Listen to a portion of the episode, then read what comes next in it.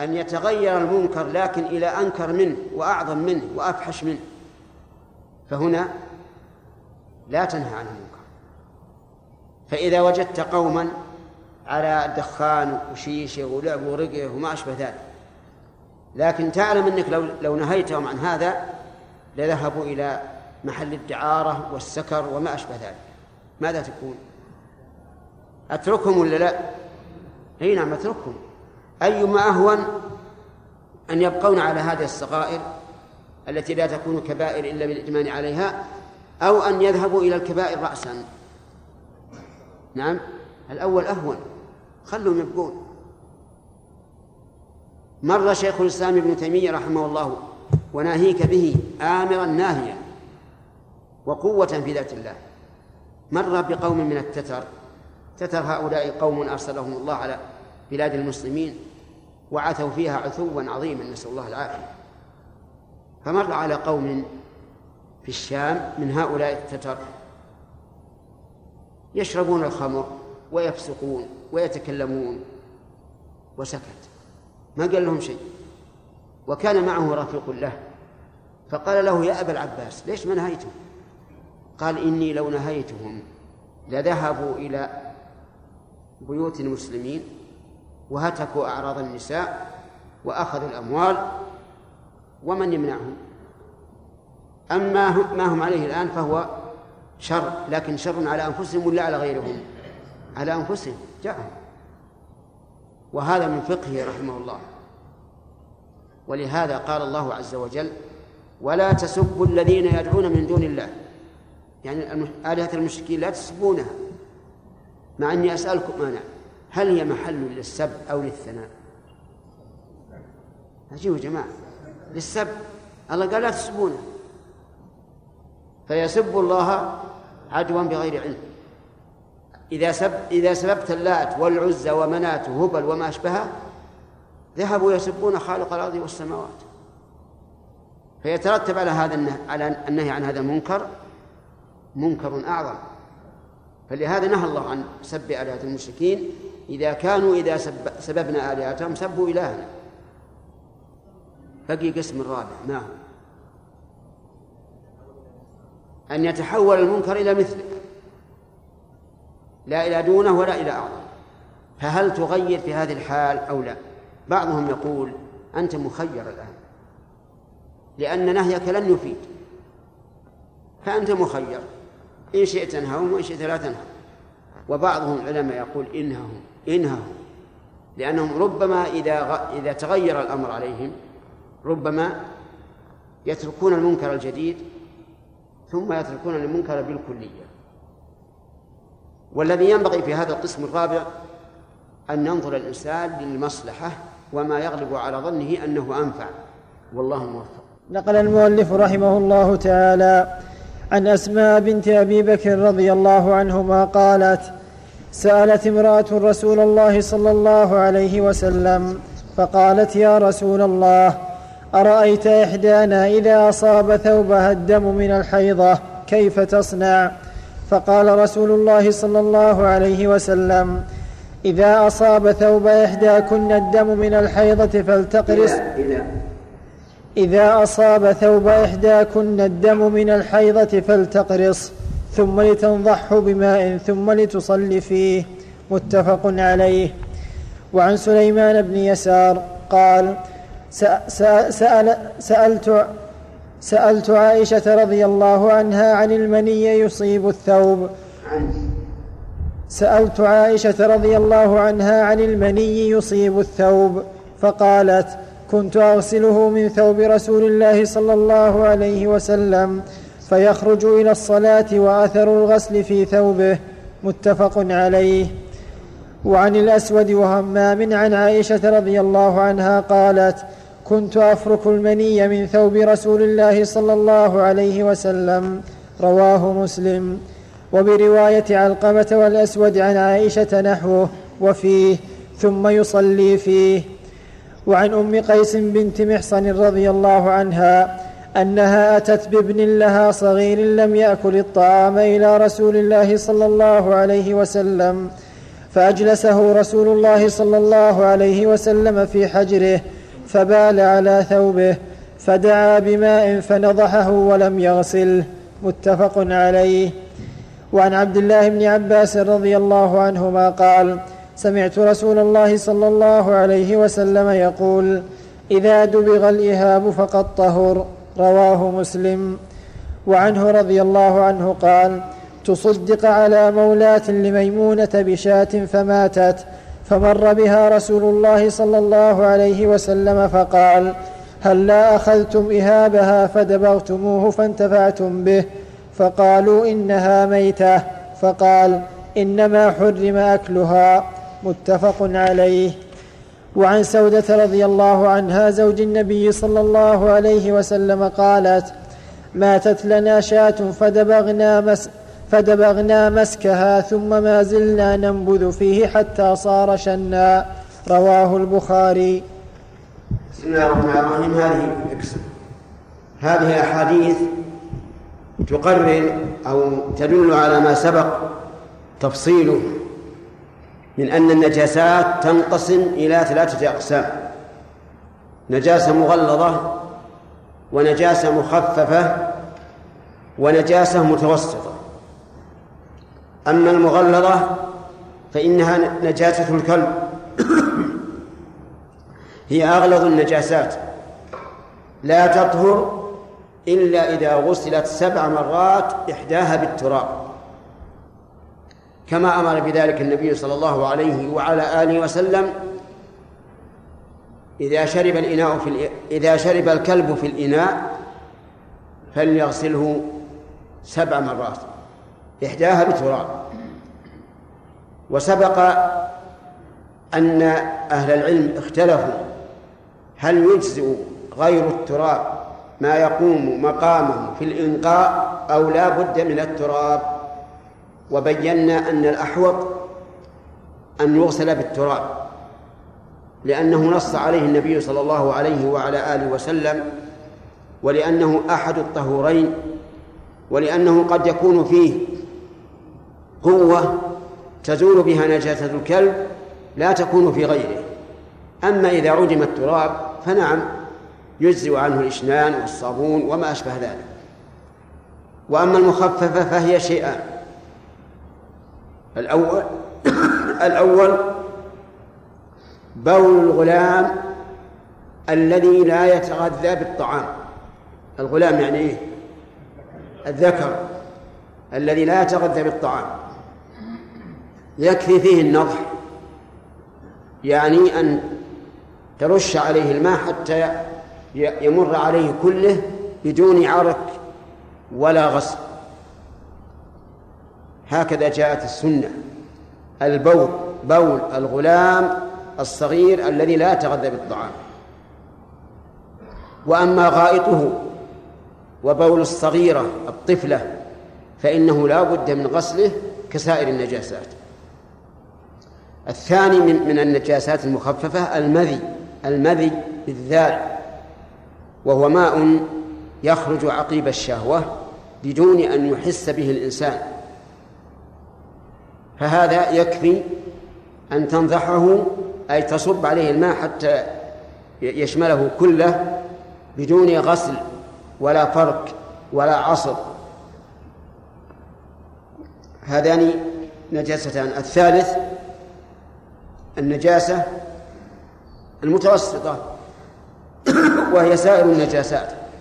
فالواجب إزالتها بأي مزيل كان. حتى لو أزلت لو أزلتها ببنزين أو أي مطهر فإنها تطهر. ما يحتاج الماء. لأن ذلك ودليل هذا أن النجاسة عين خبيثة. متى وجدت فالمكان نجس ومتى زالت فالمكان طاهر.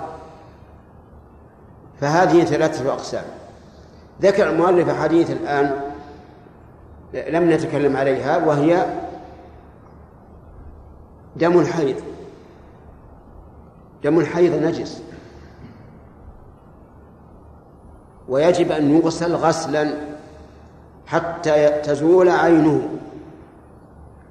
فإن كان رطبا غسل بالماء حتى تزول العين ولا يضر بقاء اللون.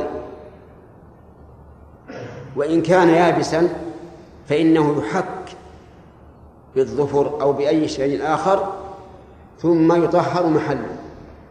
هذا دم الحيض. أما بقية الدماء التي تخرج من البدن كالرعاف والجرح وما أشبه ذلك فقال بعض العلماء إنها نجسة ولكن يعفى عن يسيرها. وهذا قول أكثر أهل العلم حتى حكاه بعضهم إجماعا. ولكن حتى ساعتي هذه لم أجد دليلا على نجاسة الدم الذي يخرج من بني آدم.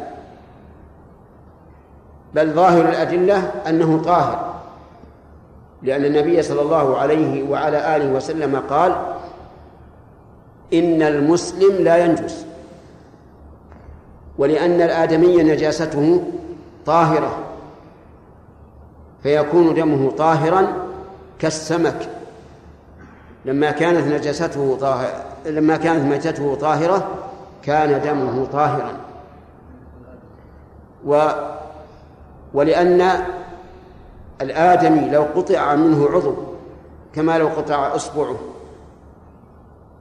لعلاج أو قطعت يد سارق أو قطعت يد مجني عليه فإن هذا المقطوع طاهر مع أن مع أن فيه دما لأنه جزء آدمي والآدمي طاهر فيكون دم الآدمي طاهرا إلا ما خرج من السبيلين كالحيض أو الباسؤور الذي داخل الدبر أو ما أشبه ذلك.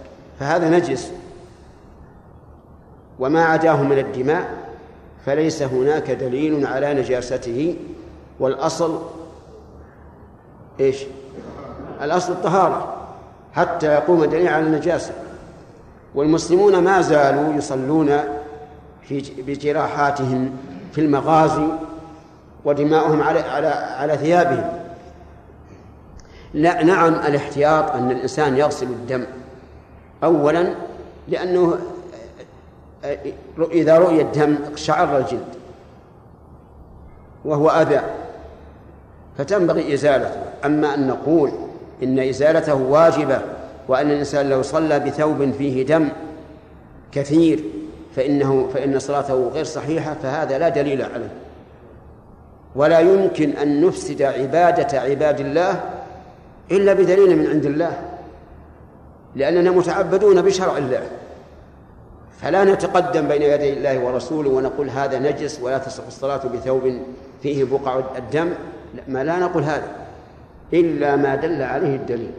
وعلى هذا فلو أرعف أنف الإنسان ونزلت قطرات منه أي من دمه على ثوبه لم يجب عليه الغسل إلا تنزها وتنظفا فقط. وبهذه المناسبة أقول كل خارج من البدن غير البول والغائط فإنه ليس لا ينقض الوضوء لا ينقض الوضوء ولو كثر. فلو تقيأ الإنسان قيئا كثيرا وهو على وضوء فوضوءه باقي لا ينتقض.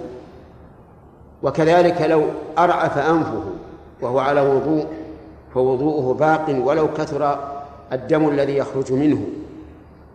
وكذلك لو جرحت يده أو رجله وخرج منه دم كثير وهو على وضوء فإنه لا ينتقض الوضوء الدليل؟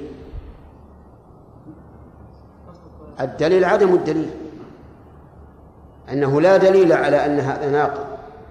وهذا الرجل قد تمت طهارته بدليل شرعي وما تم بدليل شرعي فإنه لا يرفع إلا بدليل شرعي. نعم لو قال قائل إنه إذا خرج منه دم كثير ينبغي أن يتوضأ من أجل أن يعيد نشاطه وحيويته لأن الدم إذا خرج من البدن وهو كثير فتر البدن وضعه. لو قال هكذا لو قال إنسان هكذا لقلنا هذا لا بأس به. أما أن نوجب عليه أن يتوضأ بلا دليل فلا. والواجب ما أوجبه الله ورسوله والحرام ما حرمه الله ورسوله.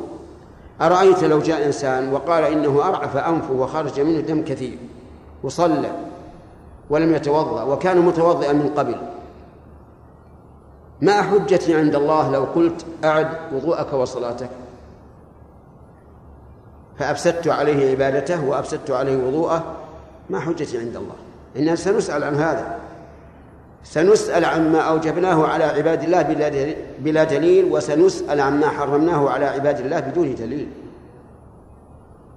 الرسل مبلغون عن الله والعلماء ورثة الأنبياء مبلغون. وليسوا مشرعين. الشرع من عند من عند من؟ من عند الله عز وجل. فكيف نقول لهذا الرجل الذي أرعف أنفه وخرج منه دم كثير وهو على وضوء ثم صلى بدون وضوء؟ كيف نقول إنه إن عبادتك فاسدة ويجب عليك أن تتوضأ وتعيد الصلاة؟ ما يمكن. نلزم عباد الله بما لم بما لا يدل عليه الدليل. سيتعب. وربما يكون الماء عزيزا قليلا. يتعب في تحصيله. وسيروح عليه وقت أيضا. كل هذه بيخسرها. تعب ضياع وقت ضياع مال إذا كان بيشتري الماء. كل هذا على أي أساس؟ على كل حال الآن الخلاصة أن النجاسات تنقسم ثلاث أقسام. نجاسة مخففة ونجاسة مغلظة ونجاسة متوسطة. ثانيا أن دم الحيض نجس قليله وكثيره ويجب غسله ثالثا أن الدماء التي غير الخارجة من السبيلين لا دليل على نجاستها. إذا كانت من الآدم فالأصل الطهارة ولا دليل على النجاسة. رابعا أن جميع ما يخرج من البدن من غير السبيلين فهو لا ينقض الوضوء. وقال بعض أهل العلم كل ما يخرج من البدن من غير البول والغائط فإنه لا ينقض الوضوء. وبناء على هذا الرأي ما يخرج من المرأة من المياه من فرجها لا ينقض الوضوء. بناء على هذا الرأي لكن الجمهور على أن الخارج من السبيلين ولو كان غير بول وغائط ينقض الوضوء وهذه مسألة نستخير الله فيها ونسأل الله أن يبين لنا الصواب. والله الموفق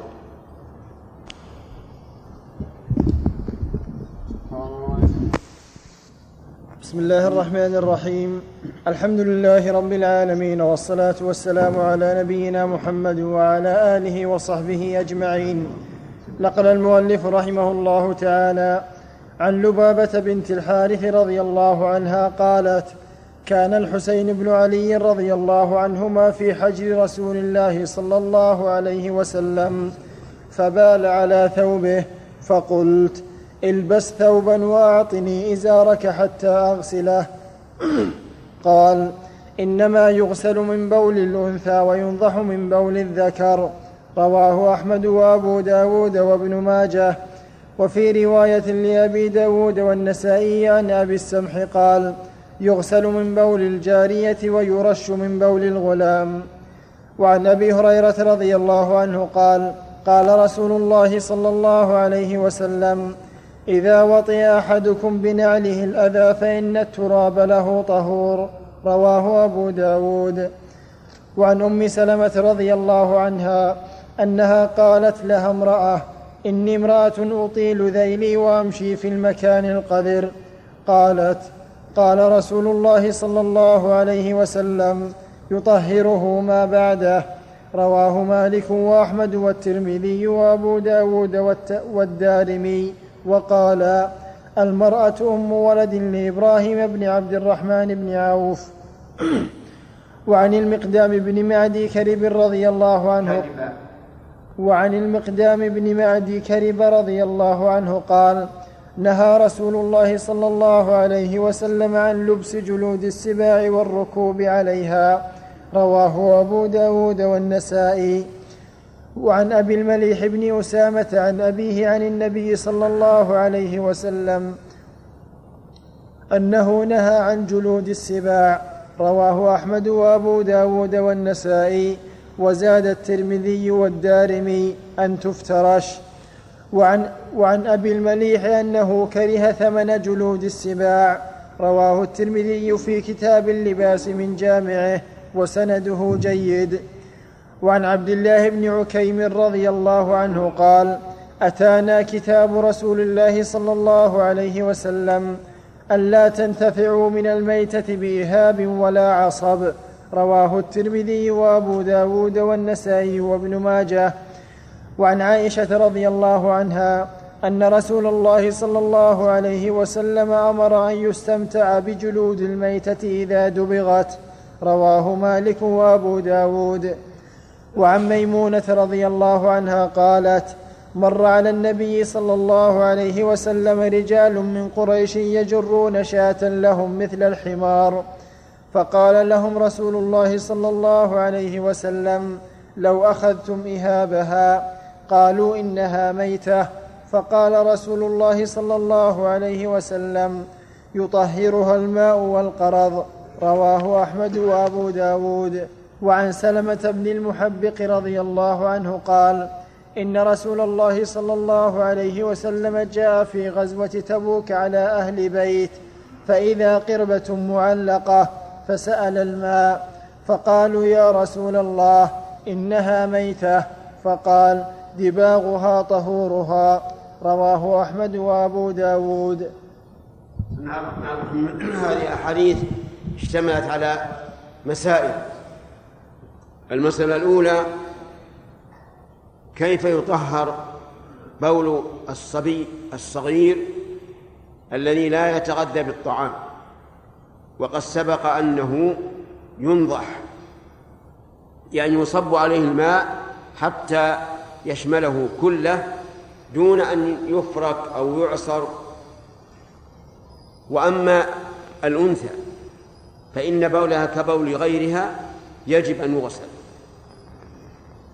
الفرق بينهما أن السنة فرقت بينهما وما فرق وما فرق الله ورسوله بينهما فإنه لا بد أن يكون هناك فرق سواء علمناه أم لم نعلمه.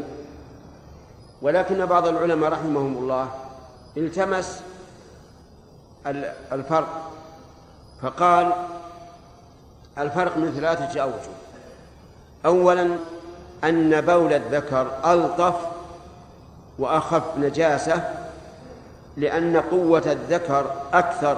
من قوة الأنثى وحرارته أبلغ فتنضج من فضلات الطعام أو الشراب ما لا تنضجه آه، جسد الأنثى.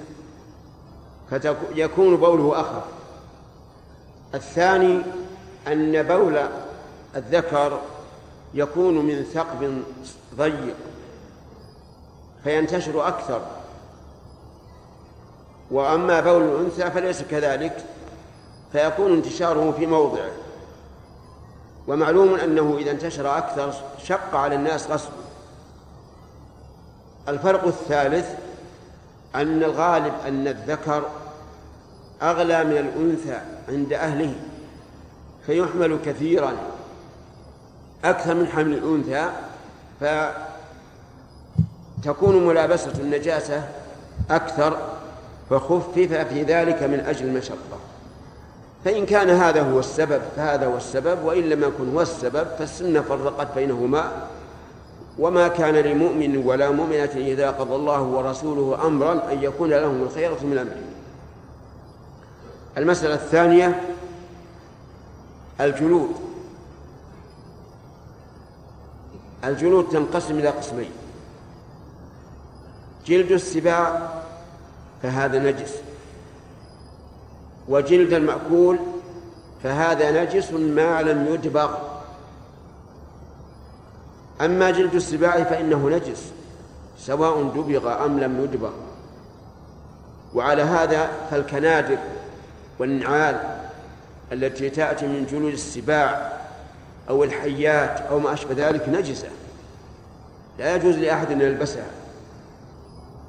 لأن لأن نجاسة السباع نجاسة ذاتية أصلية. وأما المأكول إذا مات كالغنم والإبل والبقر والظباء والأرانب وما أشبهها فإن بقيت جلودها بلا دبغ فهي نجسة. لأن الميت بجميع أجزائها نجسة. كما قال الله عز وجل قل لا أجد فيما أوحي إلي محرما على طاعم يطعمه إلا أن يكون ميتة أو أو دما مسفوحا أو لحم خنزير فإنه رجس. فإنه رجس. أي نجس. فهي قبل الدبغ نجسة. بعد الدبغ تكون طاهرة. طاهرة كأنها جلد مذبوحة. ووجه ذلك أنها إنما تنجست بالموت فهي كالثوب يتلطخ بالنجاسة فتغسله ويرجع طاهرا. هذه أيضا إذا دبغت صارت طاهرة يجوز استعمالها في الوضوء والشرب وغير ذلك لأنه يذهب كل الخبث كل الخبث الذي فيها يذهب بالدم. ولهذا قال النبي عليه الصلاة والسلام يطهرها الماء والقرض الماء معروف والقرض هو حب يؤخذ من أثل من الأثل أو غيره ثم يخلط بالماء ويدبغ به فيعود الجلد طاهرا بعد أن كان نجسا. هذه هي المسائل التي اشتملت عليها هذه الأحاديث. إذن اشتملت على الفرق بين طهارة الغلام الصغير وطهارة الأنثى الصغيرة. ثانيا الجلود. جلود السباع. وكل ما وكل ما يحرم أكله هذه نجسة خبيثة سواء دبغت أم لم تدبغ الثالث جلود الحيوان الحلال إذا مات فإنه يطهرها الدبغ. وتستعمل بعد الدبغ في كل ما تستعمل به. إذا كانت مذكاة. والله الموفق نعم. ما يجوز. الأشياء النجسة الحيوانات النجسة ما يجوز أن تحنط وتجعل الزينة. لأنها خبيثة والخبيث يجب أن يفارق ويبعد. نقل المؤلف رحمه الله تعالى عن امرأة من بني عبد الأشهل رضي الله عنها قالت قلت يا رسول الله إن لنا طريقا إلى المسجد منتنة فكيف نفعل إذا مطرنا؟ فقال أليس بعدها طريق هي أطيب منها؟ قلت بلى. قال فهذه بهذه. رواه أبو داود. وعن عبد الله بن مسعود رضي الله عنه قال كنا نصلي مع رسول الله صلى الله عليه وسلم ولا نتوضأ من الموطئ رواه ولا, ولا. نتوضأ ولا نتوضأ من الموطئ. الموطئ. رواه الترمذي. وعن ابن عمر رضي الله عنهما قال كانت الكلاب تقبل وتدبر في المسجد في زمان رسول الله صلى الله عليه وسلم فلم يكونوا يرشون شيئا من ذلك رواه البخاري. وعن البراء بن عازب رضي الله عنه قال قال رسول, قال رسول الله صلى الله عليه وسلم لا بأس ببول ما يؤكل لحمه. وفي رواية جابر قال ما أكل لحمه فلا بأس ببوله. رواه أحمد والدار قطني. بسم الله الرحمن الرحيم. هذه أحاديث تدل على مسائل من مسائل الطهارة. منها أنه إذا مرت النساء بأرض منتنة أو وسخة ثم مر ثم مررنا بأرض طيبة فإن الطيبة تطيب ما مضى. وذلك أن عادة النساء في عهد النبي صلى الله عليه وعلى آله وسلم أن المرأة تلبس ثوبا سابغا وتجره من ورائها حتى لا تنكشف أقدامها. فكنا يمرن بالأرض وسخة وينجر الثوب عليها. فسألنا النبي صلى الله عليه وعلى آله وسلم فسألهن أيمرن بعد ذلك بأرض طيبة قلنا بلى يا رسول الله. قال هذه بتلك. يعني أن الأرض الطيبة تطهر ما أصاب الثوب من الأرض النجسة. وسبق لنا في مسألة الحذاء أن الإنسان إذا وطئ قذرا في حذائه ثم مر بعد ذلك بتراب طيب فإن التراب يكون مطهرا لها. فصح بذلك أن أذيال ثياب النساء إذا مرت بأرض نجسة ثم بأرض طاهرة فالثانية تطهر الأولى. وكذلك الإنسان عليه الحذاء أو عليه الكنادر. يمر بأرض نجسة ثم يمر بعدها بأرض طيبة فيها تراب فالتراب يطهرها بدون بدون غسل. وهذا من التيسير. من تيسير الله عز وجل على العباد. أنه خفف عنهم ويسر لهم ولله الحمد. ومما تدل عليه تدل عليه هذه الأحاديث أن بهائم السباع إذا مرت بأرض طيبة فإنها لا تنجسها. فها هي الكلاب في عهد النبي صلى الله عليه وعلى آله وسلم تقبل وتدبر في المسجد النبوي. يعني تدخل من باب وتخرج من باب. ولم يأمر النبي صلى الله عليه وعلى آله وسلم بغسل آثارها مع أنه يحتمل أن تمر في وهي في وفيها عرق ويحتمل أن تمر والأرض ندية بالمطر أو غيره فلم يأمر النبي صلى الله عليه وعلى آله وسلم بغسل آثارها. أما إذا كانت إذا بالت في المسجد مثلا أو تروثت فيه فلا بد من الغسل. وهذا كله مما يدل على أن مسألة النجاسة لا تحتاج إلى عدد بل متى زالت عين النجاسة طهرت بأي مزيل كان. إلا نجاسة الكلب فلا بد من غسلها بالماء سبع غسلات إحداها بالتراب كما سبق. والله موفق. لا إله إلا الله وحده لا شريك له.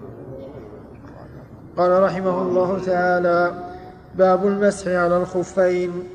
عن شريح بن هانئ رضي الله عنه رضي الله عنه قال سألت علي بن أبي طالب رضي الله عنه عن المسح على الخفين. عن شريح بن هانئ رحمه الله قال سألت علي بن أبي طالب رضي الله عنه عن المسح على الخفين فقال جعل رسول الله صلى الله عليه وسلم ثلاثة أيام ولياليهن للمسافر ويوما وليلة للمقيم. رواه مسلم. وعن المغيرة بن شعبة رضي الله عنه أنه غزا رسول الله صلى الله عليه وسلم غزوة تبوك.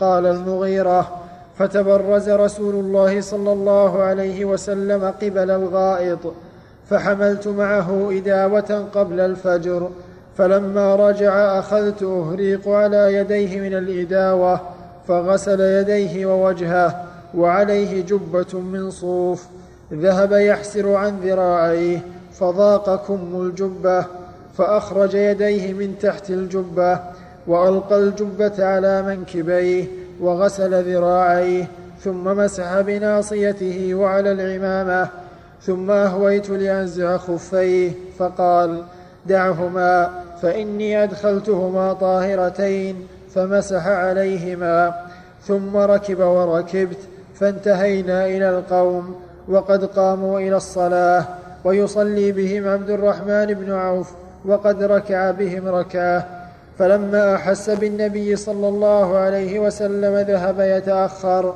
فأومأ إليه فأدرك النبي صلى الله عليه وسلم إحدى الركعتين معه فلما سلم قام النبي صلى الله عليه وسلم وقمت معه فركعنا الركعة التي سبقتنا.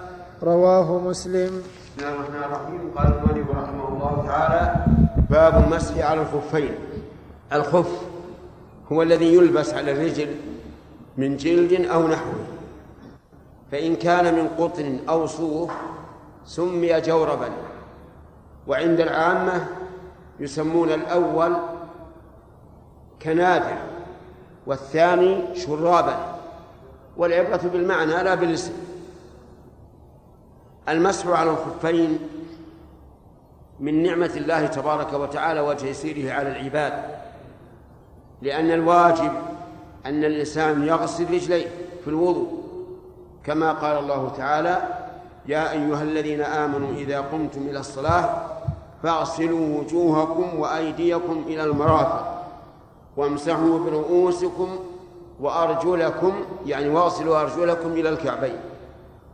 لكن من نعمة الله وتيسيره أنه إذا كان على الإنسان ملبوسا على الرجلين من جوارب أو خفاف فإن فإنه يمسح عليهما إلا أن لذلك شروطا. الشرط الأول أن يكون ذلك في الحدث الأصغر يعني الوضوء. أما الجنابة فلا يصح المسح فيها على الخفين. الثاني أن يكون في المدة التي حددها. النبي صلى الله عليه وعلى آله وسلم. وهي يوم وليلة للمقيم وثلاثة أيام بلياليها للمسافر. تبدأ المدة من أول مرة مسح بعد الحدث. لا من اللبس ولا من الحدث. من أول مرة توضأ ومسح بعد الحدث. مثال هذا رجل توضأ لصلاة الفجر ولبس الخفين وأحدث يعني نقض وضوءه في الساعة التاسعة صباحا وبقي على غير الوضوء ولما حان وقت الظهر الساعة الثانية عشرة توضأ ومسح. فهنا ثلاثة أشياء. اللبس. والثاني الحدث. والثالث المسح متى تبتدئ المدة؟ هل هو من لبس أي من الفجر؟ أو من الحدث الساعة التاسعة؟ أو من الوضوء والمسح الساعة الثانية عشرة؟ يكون من المسح بعد الحدث.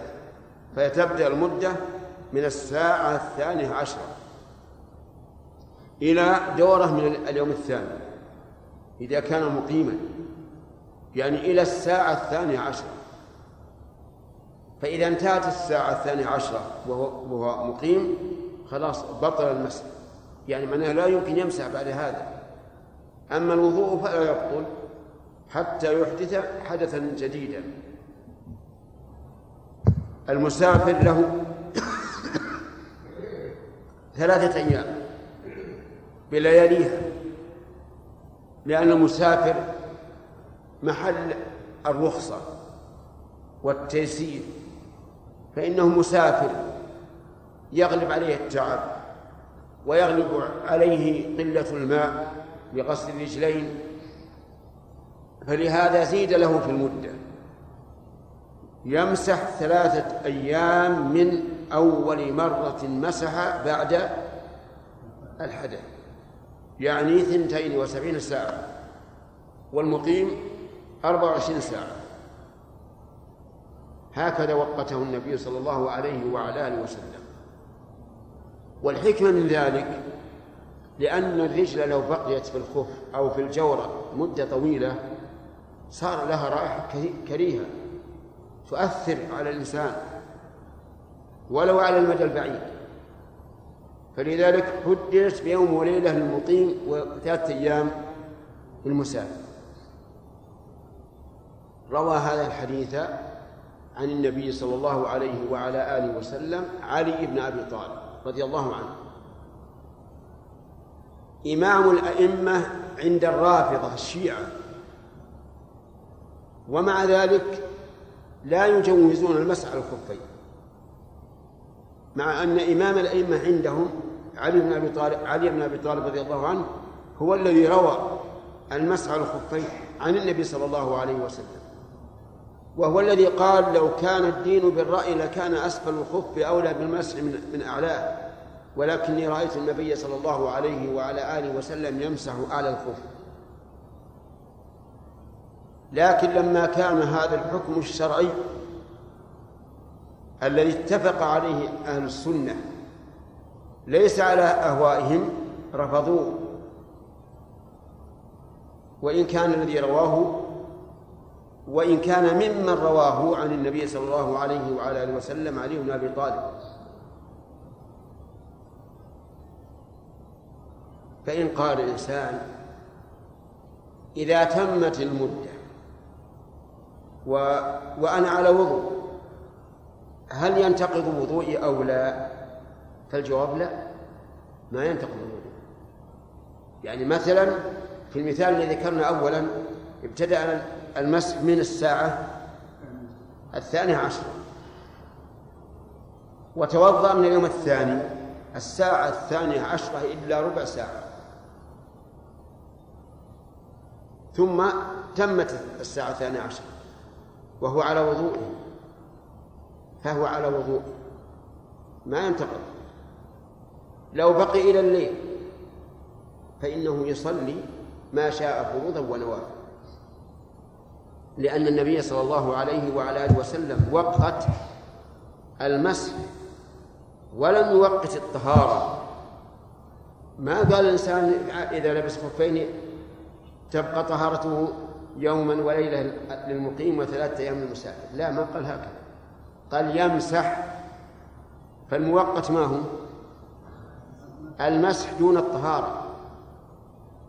ولهذا كان القول الراجح من أقوال العلماء رحمهم الله أنه إذا تمت مدة المسح والإنسان على طهارة فهو باق على طهارته إلا إن أن ينتقض وضوءه بناقض آخر بناقض جديد فتبطل فيبطل وضوءه. فإن قال قائل إذا ابتدأ المسح وهو مقيم ثم سافر إنسان مثلا لبس خفيه اليوم اليوم الاثنين لبسها لصلاة الفجر ومسح لصلاة الظهر وسافر بعد العصر. هل يتمم مسح مقيم ولا مسح مسافر؟ نقول يتمم مسح مسافر. فتنبني مدة مسح المسافر على مدة مسح المقيم لأن لأن مدة مسح المقيم لم تتم. فتدخل هذه بهذه. ويتمم مسح إيش؟ مسافر ثلاثة أيام. بالعكس لو أنه ابتدأ ابتدأ المسح وهو مسافر ثم أقام. فيتمم مسح مقيم مثال ذلك رجل مسافر أتى لبس خفيه في السفر ومسح لصلاة الظهر ثم قدم بلده لصلاة العصر. كم يمسح؟ تتميم يوم وليل. ما يتم مسح مسافر. فتبين بهذا أن القاعدة إذا انتقل من إقامة إلى سفر يتم مسح مسافر. وإذا انتقل من سفر إلى إقامة يتم مسح إقامة.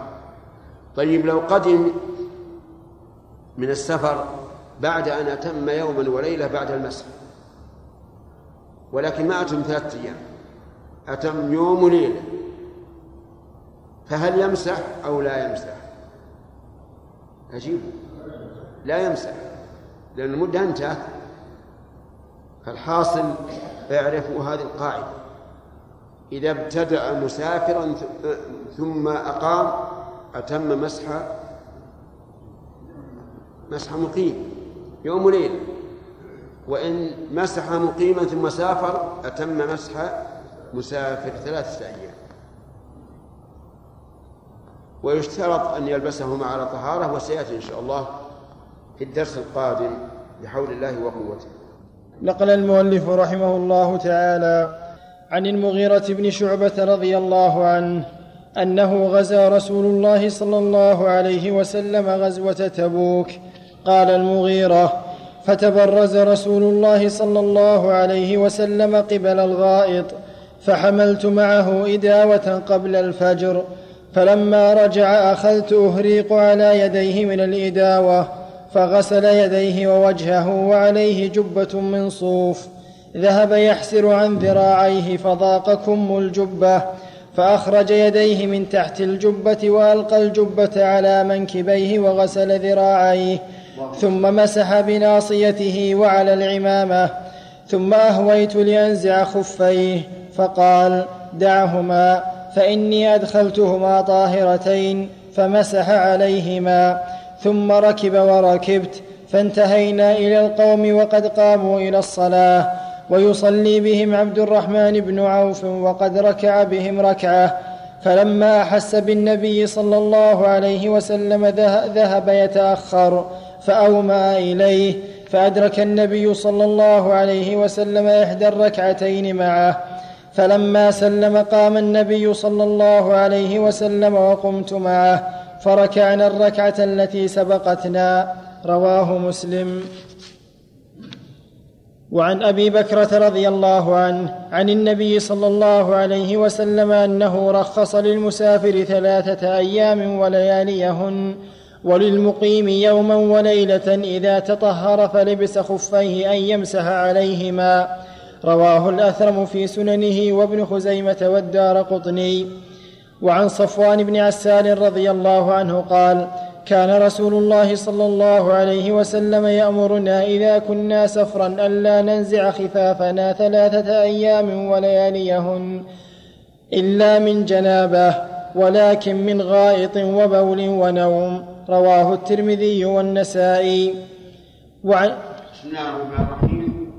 ذكر المؤلف رحمه الله في باب المسح على الخفين حديث المغيرة بن شعبة رضي الله عنه أنه غزا مع النبي صلى الله عليه وعلى آله وسلم غزوة تبوك وكانت في السنة التاسعة من الهجرة غزا فيها رسول الله صلى الله عليه وسلم الروم وهم أمة النصارى حتى وصل أطراف الشام ولكنه راجع عليه الصلاة والسلام ولم يجد أحدا. في هذه الغزوة ذكر المغيرة بن شعبة أن النبي صلى الله عليه وعلى آله وسلم ذهب إلى إلى الغائط ليقضي حاجته فلحقه المغيرة بإداوة من ماء.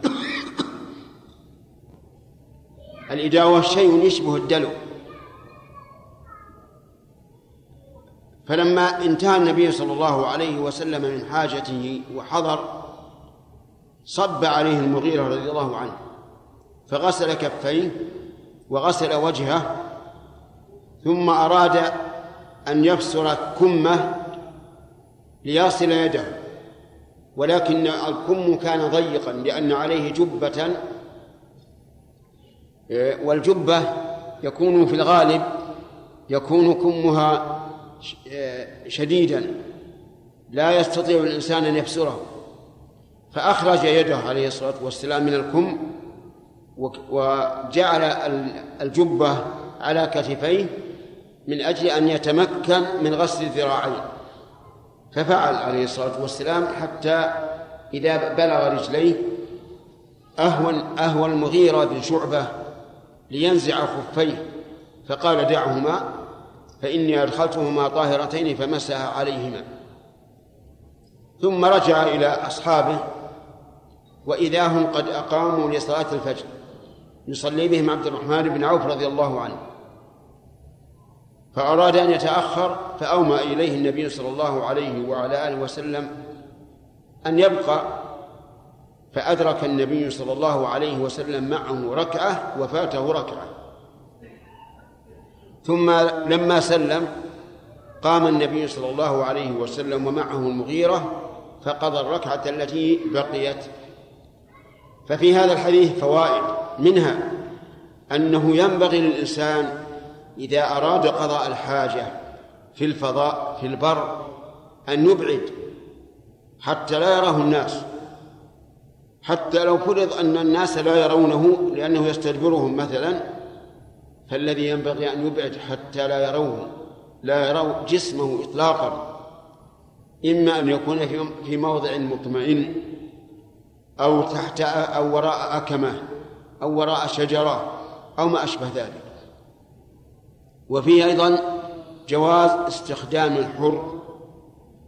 يعني الإنسان يجوز أن يستخدم الإنسان الحر لأن النبي صلى الله عليه وسلم له خدم أحرار كأنس بن مالك وعبد الله بن مسعود وغيرهما. وفيه جواز الاستعانة في الوضوء.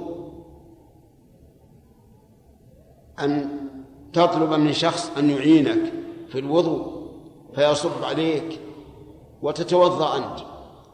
وإذا كنت لا تستطيع أن تتوضأ بيديك فلا بأس أن يوضئك هذا الرجل الذي يعينك.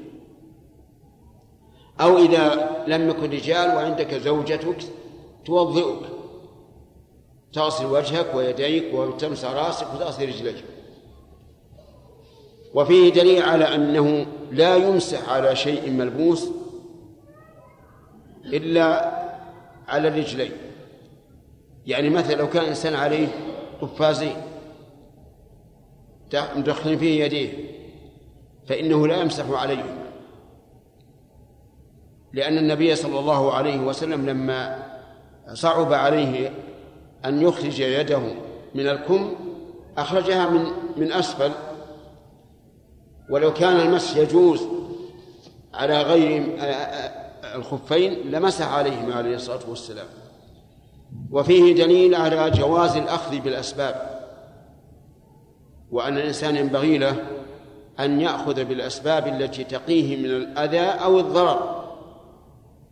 لأن النبي صلى الله عليه وعلى آله وسلم لبس الجبة لأن الشمال بارد ليس كالمدينة يحتاج إلى زيادة الثياب.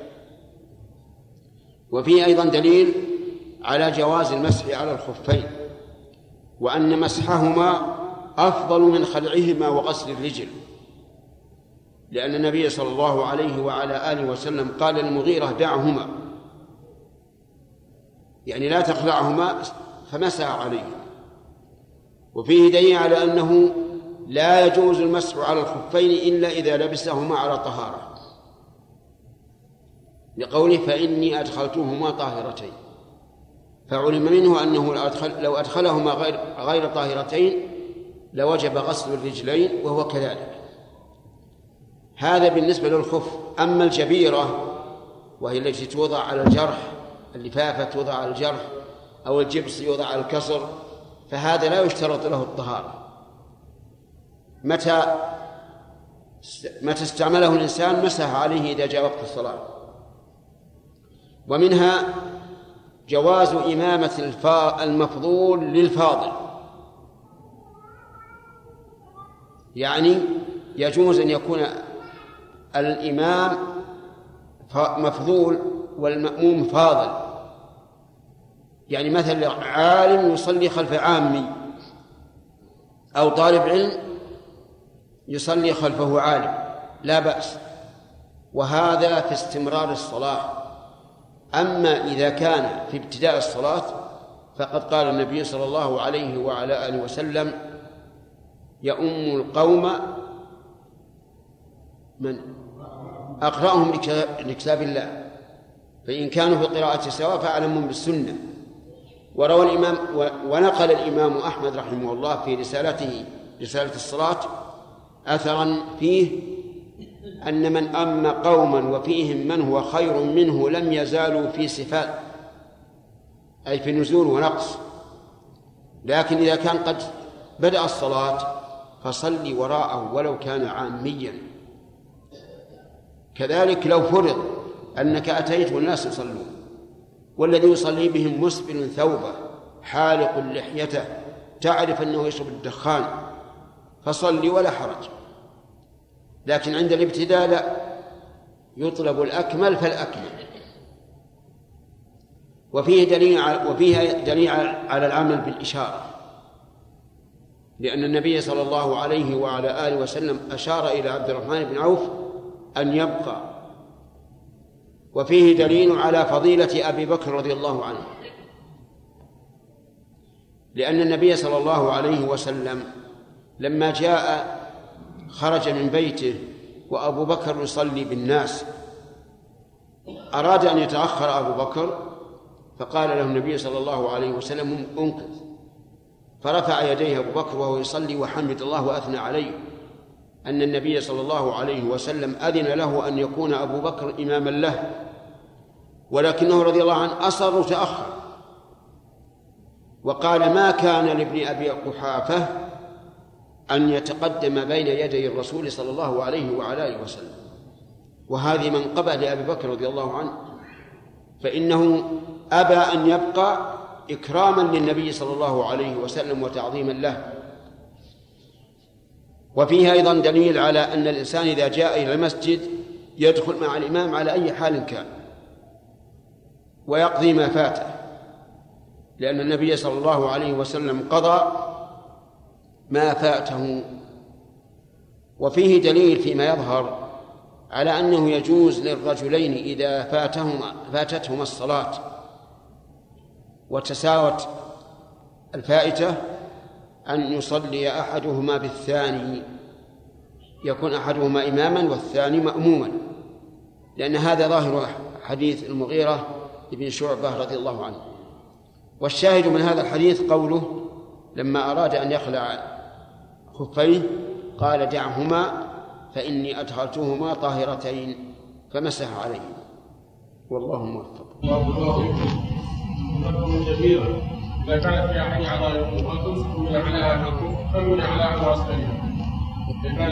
لا الجبيرة تمسك كله من من كل من كل الجوانب.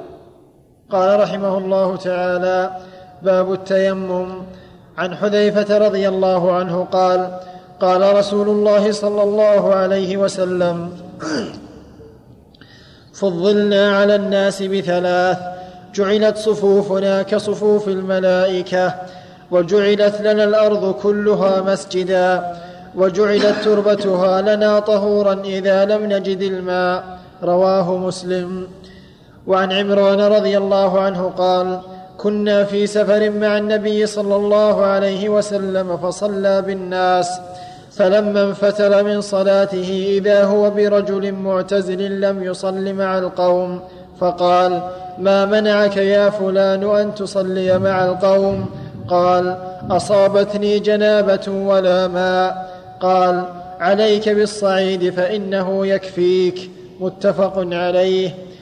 وعن عمار رضي الله عنه قال جاء رجل إلى عمر بن الخطاب رضي الله عنه فقال إني, أجنب إني أجنبت فلم أصب الماء. فقال عمار لعمر أما تذكر أنا كنا في سفر أنا وأنت؟ فأما أنت لم تصل وأما أنا فتم فتمك فتمعكت فصليت. فذكرت ذلك للنبي صلى الله عليه وسلم فقال إنما كان يكفيك هكذا. فضرب النبي صلى الله عليه وسلم بكفيه الأرض ونفخ فيهما ثم مسح بهما وجهه وكفيه رواه البخاري ولمسلم نحوه. وفيه قال إنما يكفيك أن تضرب بيديك الأرض ثم تنفخ ثم تمسح ب ثم تمسح به ثم تمسح بهما وجهك وكفيك. وعن أبي الجهيم بن الحارث بن الصمة رضي الله عنه قال مررت على النبي صلى الله عليه وسلم وهو يبول فسلمت عليه فلم يرد علي حتى قام إلى جدار فحته بعصا كانت معه ثم وضع يديه على الجدار فمسح وجهه وذراعيه ثم رد علي. ولم أجد هذه الرواية في الصحيحين ولا في كتاب الحميدي. ولكن ذكره في شرح السنة. قال هذا حديث حسن. وعن أبي ذر رضي الله عنه قال قال رسول الله صلى الله عليه وسلم إن الصعيد الطيب وضوء وضوء وضوء المسلم وإن لم يجد الماء عشر سنين فإذا وجد الماء فليمسه بشرته فإن ذلك خير. رواه أحمد والترمذي وأبو داود. وعن جابر رضي الله عنه قال خرجنا في سفر فأصاب رجلا منا حجر فشجه في رأسه فاحتلم فسأل أصحابه هل تجدون لي, هل تجدون لي رخصة في التيمم؟ قالوا ما نجد لك رخصة وأنت تقدر على الماء. فاغتسل فمات. فلما قدمنا على النبي صلى الله عليه وسلم أخبر بذلك قال قتلوه قتلهم الله. ألا سألوا إذا لم يع... ألا سألوا إذا لم يعلموا. فإنما شفاء العي السؤال. إنما كان يكفيه أن يتيمم ويعصب على جرحه خرقة ثم يمسح ثم يمسح عليها ويغسل, ويغسل سائر جسده. رواه أبو داود. وعن أبي سعيد الخدري رضي الله عنه قال خرج رجلان في سفر فحضرت الصلاة وليس معهما ماء فتيمما صعيدا طيبا فصليا ثم وجد الماء في ثم وجد الماء في الوقت فأعاد أحدهما الصلاة بوضوء ولم يعد الآخر ثم أتيا رسول الله صلى الله عليه وسلم فذكر ذلك فقال للذي لم يعد أصبت السنة وأجزأتك صلاتك؟ وقال للذي توضأ وأعاد لك الأجر مرتين. رواه أبو داود والدارمي وروى النسائي وروى النسائي نحوه. وعن أبي الجهيم بن الحارث بن الصمة رضي الله عنه قال أقبل النبي صلى الله عليه وسلم من نحو بئر من نحو بئر جمل فلقيه رجل فسلم عليه فلم يرد النبي صلى الله عليه وسلم حتى أقبل على الجدار فمسح بوجهه ويديه ثم رد عليه السلام متفق عليه.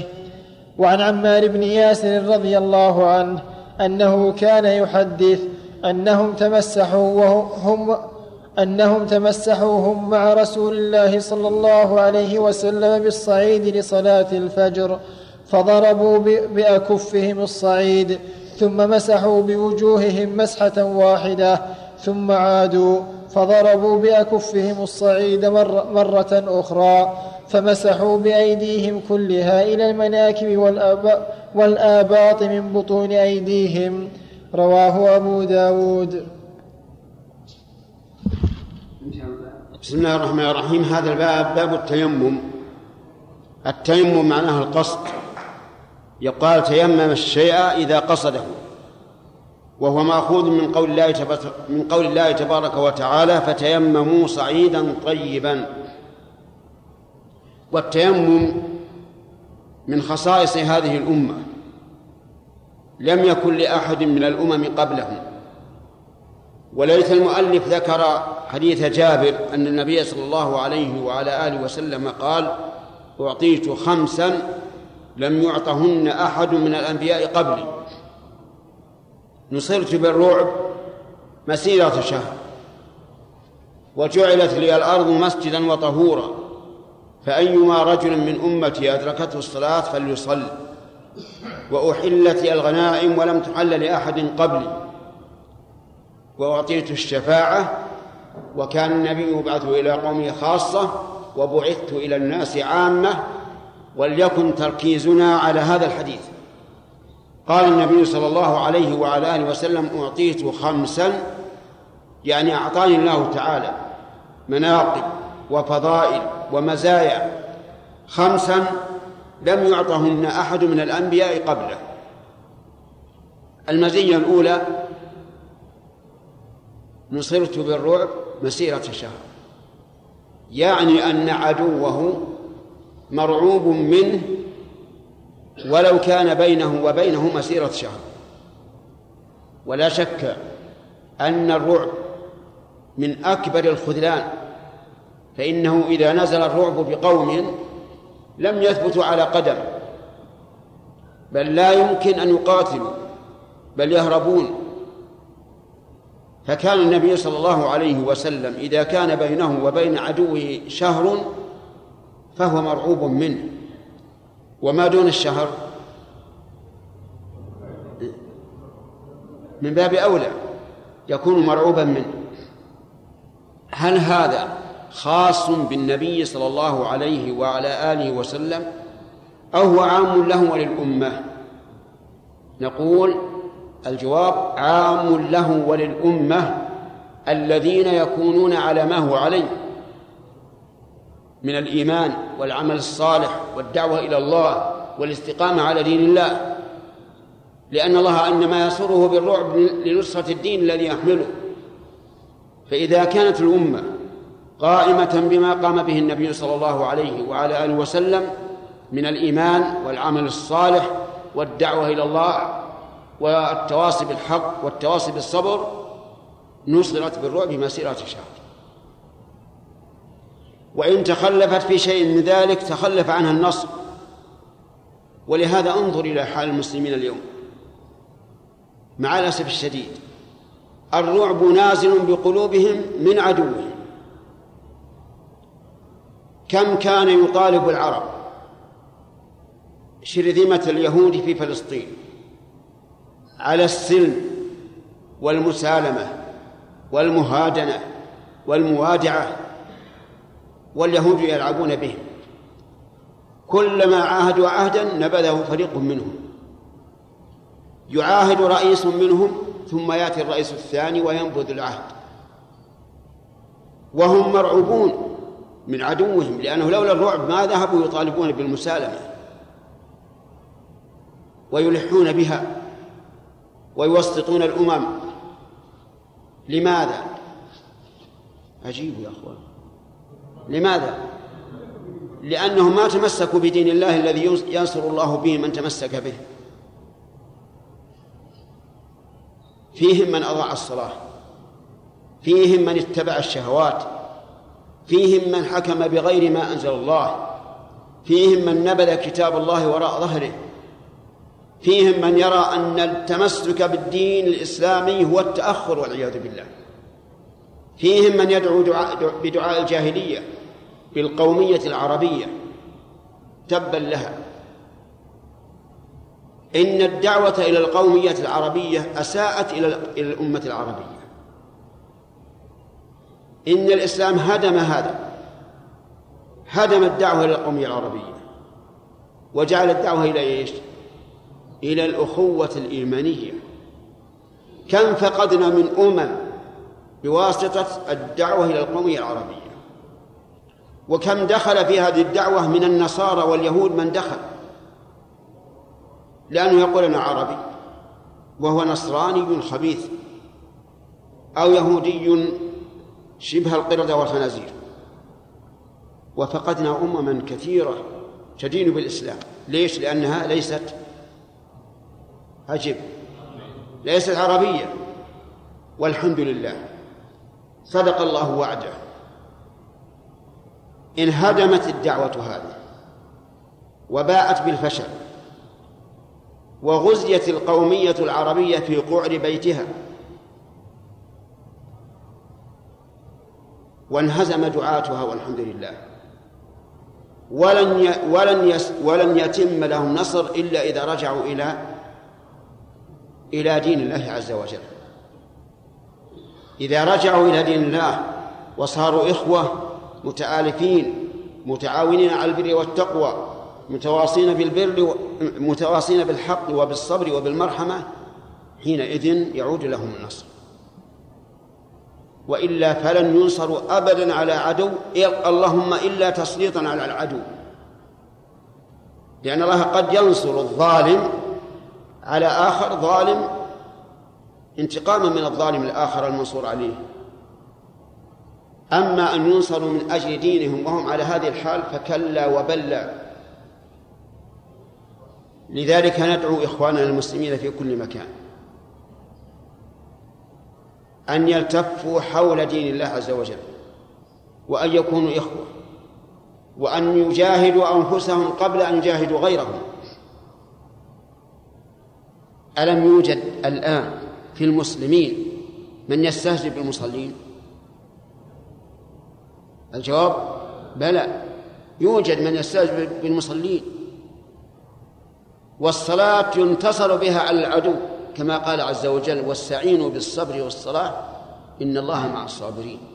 ويذكر عن النبي صلى الله عليه وعلى آله وسلم أنه إذا حزبه أمر فزع إلى الصلاة. وكما جاء في التاريخ في غزوة بدر أن النبي صلى الله عليه وسلم كان في عريش له يستنصر ربه عز وجل ويصلي. فكيف ينصر قوم فيهم من يستهزئ بالصلاة؟ ألم تكن دساتير كثير من الأمة العربية الآن؟ مأخوذة منين؟ من من دساتير النصارى. مادة بمادة. بل يزاد عليها ما هو أخبث. نسأل الله السلامة والعافية. فكيف يمكن أن يقال إن عدونا مرعوب منا؟ هذا لا يمكن. هذه الخصلة الأولى. نصرت بالرعب بالرعب مسيرة شهر. الثاني جعلت لي الأرض مسجدا وطهورا. الأرض كلها مسجد. أي مكانا للسجود أي للصلاة كل الأرض صلي فيها. ولا تقل تصح أو ما تصح. الأصل الأصل أن جميع الأرض إيش؟ يصلى فيها. كل الأرض. بطن الأرض كالخلوة يعني البترون كما يقولون السطوح كل الأرض حتى في الجو. الجو تابع للأرض كما قال العلماء الهواء تابع للقرار. كل الأرض مسجد. إذا قال لك إنسان هذه الأرض ما فيها الصلاة قل له هات الدليل. هات الدليل. لكن دلت السنة على أن بعض الأرض لا يصح لا تصح فيها الصلاة. كالمقبرة مثلا. المقبرة لا تصح فيها الصلاة. كل ما أدخل حائط المقبرة فإن الصلاة لا تصح فيه حتى لو كانت القبور خلف الإنسان. حتى لو كانت المقبرة واسعة. فإن الصلاة فيها لا تصح. ليش؟ حماية لجانب التوحيد. حماية لجانب التوحيد. لئلا تتعلق النفوس بأصحاب القبور فتصلي لأصحاب القبور أو تستغيث بأصحاب القبور أو تدعو أصحاب القبور أو ما أشبه ذلك. ولا يستثنى من الصلاة في المقبرة إلا صلاة واحدة وهي صلاة الجنازة. لأنه ثبت عن النبي صلى الله عليه وعلى آله وسلم في امرأة ماتت وهي تقوم المسجد يعني تنظف المسجد وماتت في الليل. وكره الصحابة رضي الله عنهم أن يعلموا النبي صلى الله عليه وسلم بذلك. أولا إنهم صغروا من شأنها. وثانيا لم يحبوا أن يزعجوا النبي صلى الله عليه وعلى آله وسلم في الليل. احتراما له وتعظيما له. فلما أصبح سأل أين هي؟ قالوا إنها ماتت. ودفناها في الليل وكرهنا أن أن نؤذنك. فقال دلوني على قبرها. اللهم صل وسلم عليه. تواضع. امرأة تكنس المسجد يقول دلوني على قبرها. رفعة لشأنها ومكافأة لها على خدمة بيت الله عز وجل. فدلوه فصلى عليه عليه الصلاة والسلام. فيستثنى من منع الصلاة في المقبرة يستثنى إيش؟ صلاة الجنازة صلاة الجنازة سواء على القبر أو على الميت وهم ينتظرون تكملة تلحيده. ويأتي إن شاء الله بقية الكلام على هذا الحديث وهو حديث عظيم تنبغي العناية به وفهم معانيه لأنه يشتمل على أصول كثيرة من أصول الشريعة. بسم الله الرحمن الرحيم. الحمد لله رب العالمين والصلاة والسلام على نبينا محمد وعلى آله وصحبه أجمعين. عن جابر بن عبد الله رضي الله عنهما أن النبي صلى الله عليه وسلم قال أعطيت خمسا لم يعطهن أحد من الأنبياء قبلي نصرت بالرعب مسيرة شهر وجعلت لي الأرض مسجدا وطهورا فأيما رجل من أمتي أدركته الصلاة فليصل. وأحلت لي الغنائم ولم تحل لاحد وأحلت لي الغنائم ولم تحل لأحد قبلي وأعطيت الشفاعة وكان النبي يبعث إلى قومه خاصة وبعثت إلى الناس كافة متفق عليه. بسم الله الرحمن الرحيم. سبق الكلام على أول جملة من هذا الحديث وهي قوله صلى الله عليه وعلى آله وسلم نصرت بالرعب مسيرة شهر الثانية وجعلت لي الأرض مسجدا وطهورا. الجاعل هو الله عز وجل. وحذف الفاعل لأنه معلوم كما في قوله تعالى وخلق الإنسان ضعيفا فحذف الفاعل لأنه معلوم فإن الخالق هو الله. وجاعل الأرض مسجدا وطهورا هو الله عز وجل. فقول مسجدا أي مكان للسجود أي للصلاة فكل الأرض مسجد تصح الصلاة فيها. إلا ما استثني. الأمم السابقة إذا أتى وقت الصلاة عليه عليهم فإنهم لا يصلون في كل مكان لا يصلون إلا في أماكن العبادة الخاصة كالكنائس والبيع والصلوات. أما هنا نحن الأمة الإسلامية والحمد لله فإننا نصلي في أي مكان. أي مكان. سواء في المسجد في البيت في السوق في البر في البحر في الجو في أي مكان. يستثنى من ذلك مسائل. أولا المقبرة فإنه لا يصلى فيها فريضة ولا نافلة. إلا صلاة واحدة وهي صلاة الجنازة. ثانيا الأماكن النجسة لا تجوز الصلاة فيها. لأن النبي صلى الله عليه وعلى آله وسلم لما بال الأعرابي في المسجد أمر أن يصب عليه الماء ليطهر ولقول الله تعالى وطهر بيتي للطائفين والعاكفين والركع السجود الثالث أعطان الإبل. أعطان الإبل يعني مباركها التي تأوي إليها كالأحواش والحظائر وكذلك ما تتعطن فيه بعد شرب الماء. هذه لا تصح الصلاة فيها مع أنها طاهرة لأن النبي صلى الله عليه وسلم نهى عن الصلاة عن الصلاة فيها. وأما المبرك الواحد يعني بمعنى أن أن تجد مكانا بركت فيه الإبل ليلة واحدة ومشت.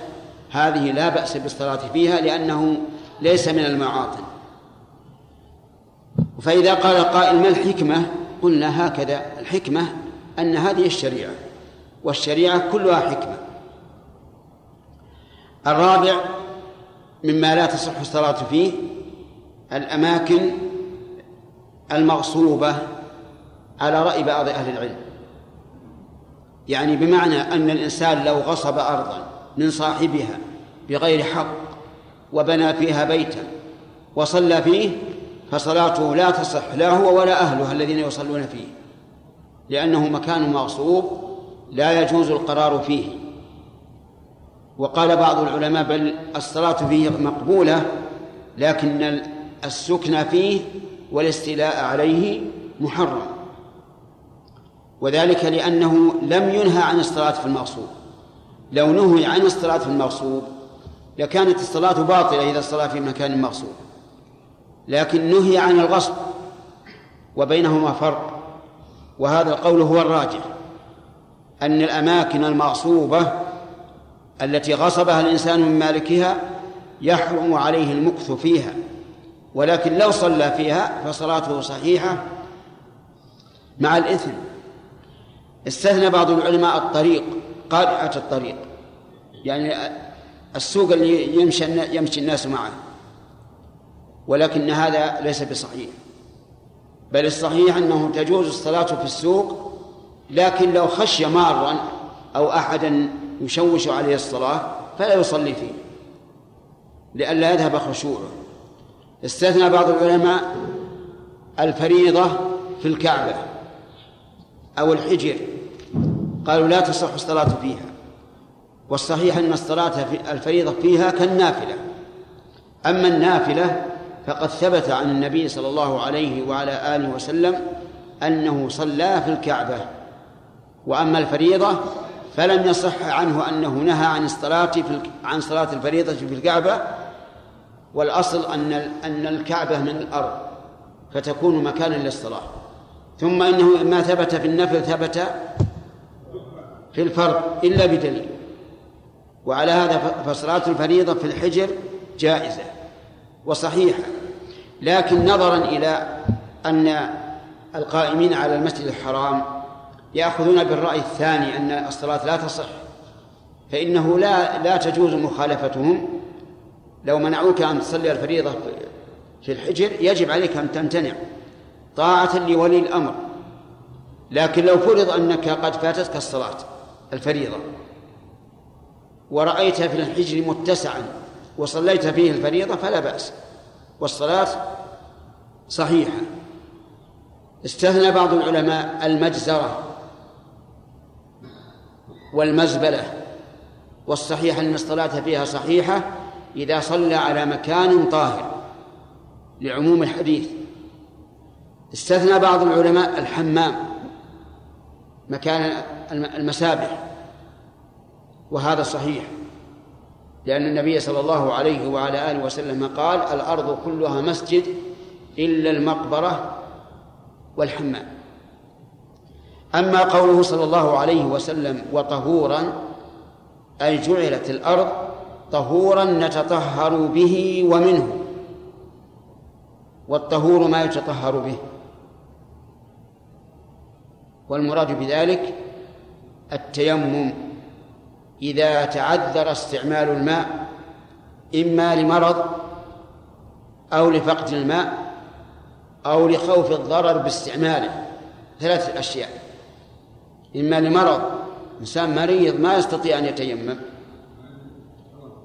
نعم. كيف؟ إنسان مريض لا يستطيع أن يتوضأ. فإنه يتيمم. الثاني إنسان عدم الماء ليس عنده ماء فيتيمم.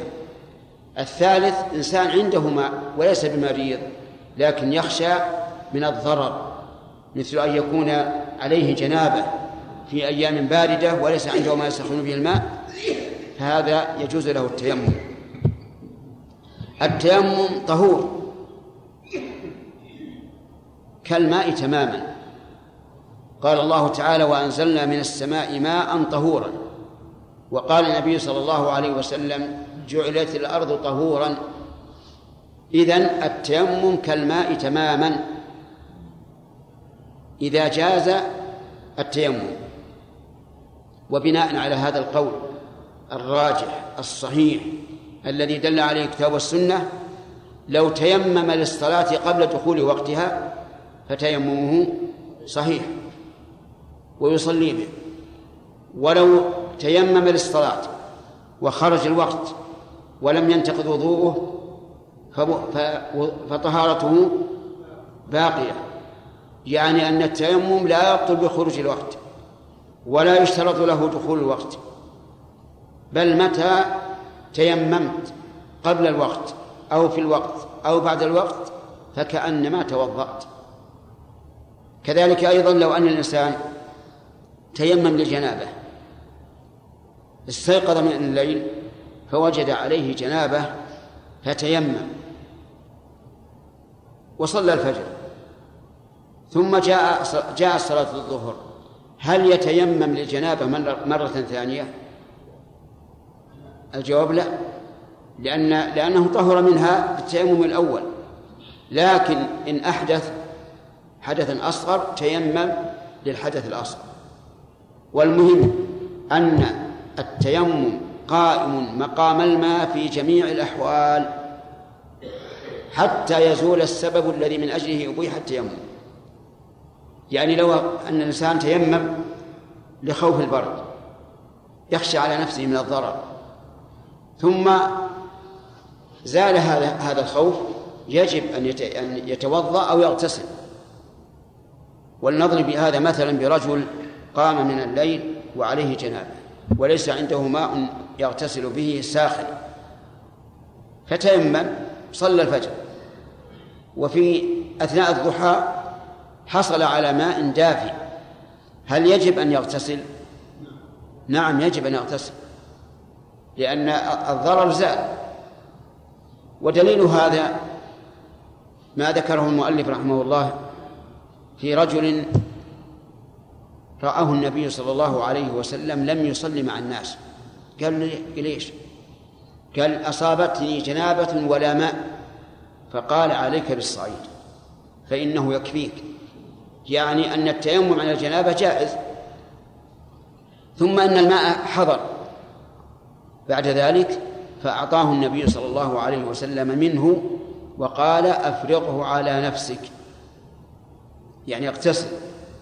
فدل ذلك على أنه إذا تيمم لفقد الماء ثم وجد الماء وجب عليه أن يتوضأ إن كان تيممه عن حدث أصغر وأن يغتسل إن كان تيممه عن حدث أكبر. والله موفق. عن جابر بن عبد الله رضي الله عنهما أن النبي صلى الله عليه وسلم قال أعطيت خمسا لم يعطهن أحد من الأنبياء قبلي.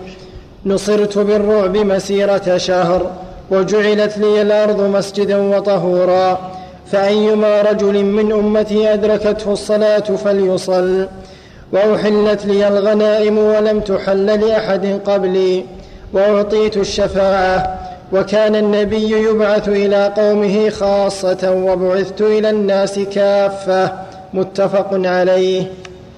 بسم الله الرحمن الرحيم. هذا الحديث تقدم الكلام على ثلاث جمل منه وهي قوله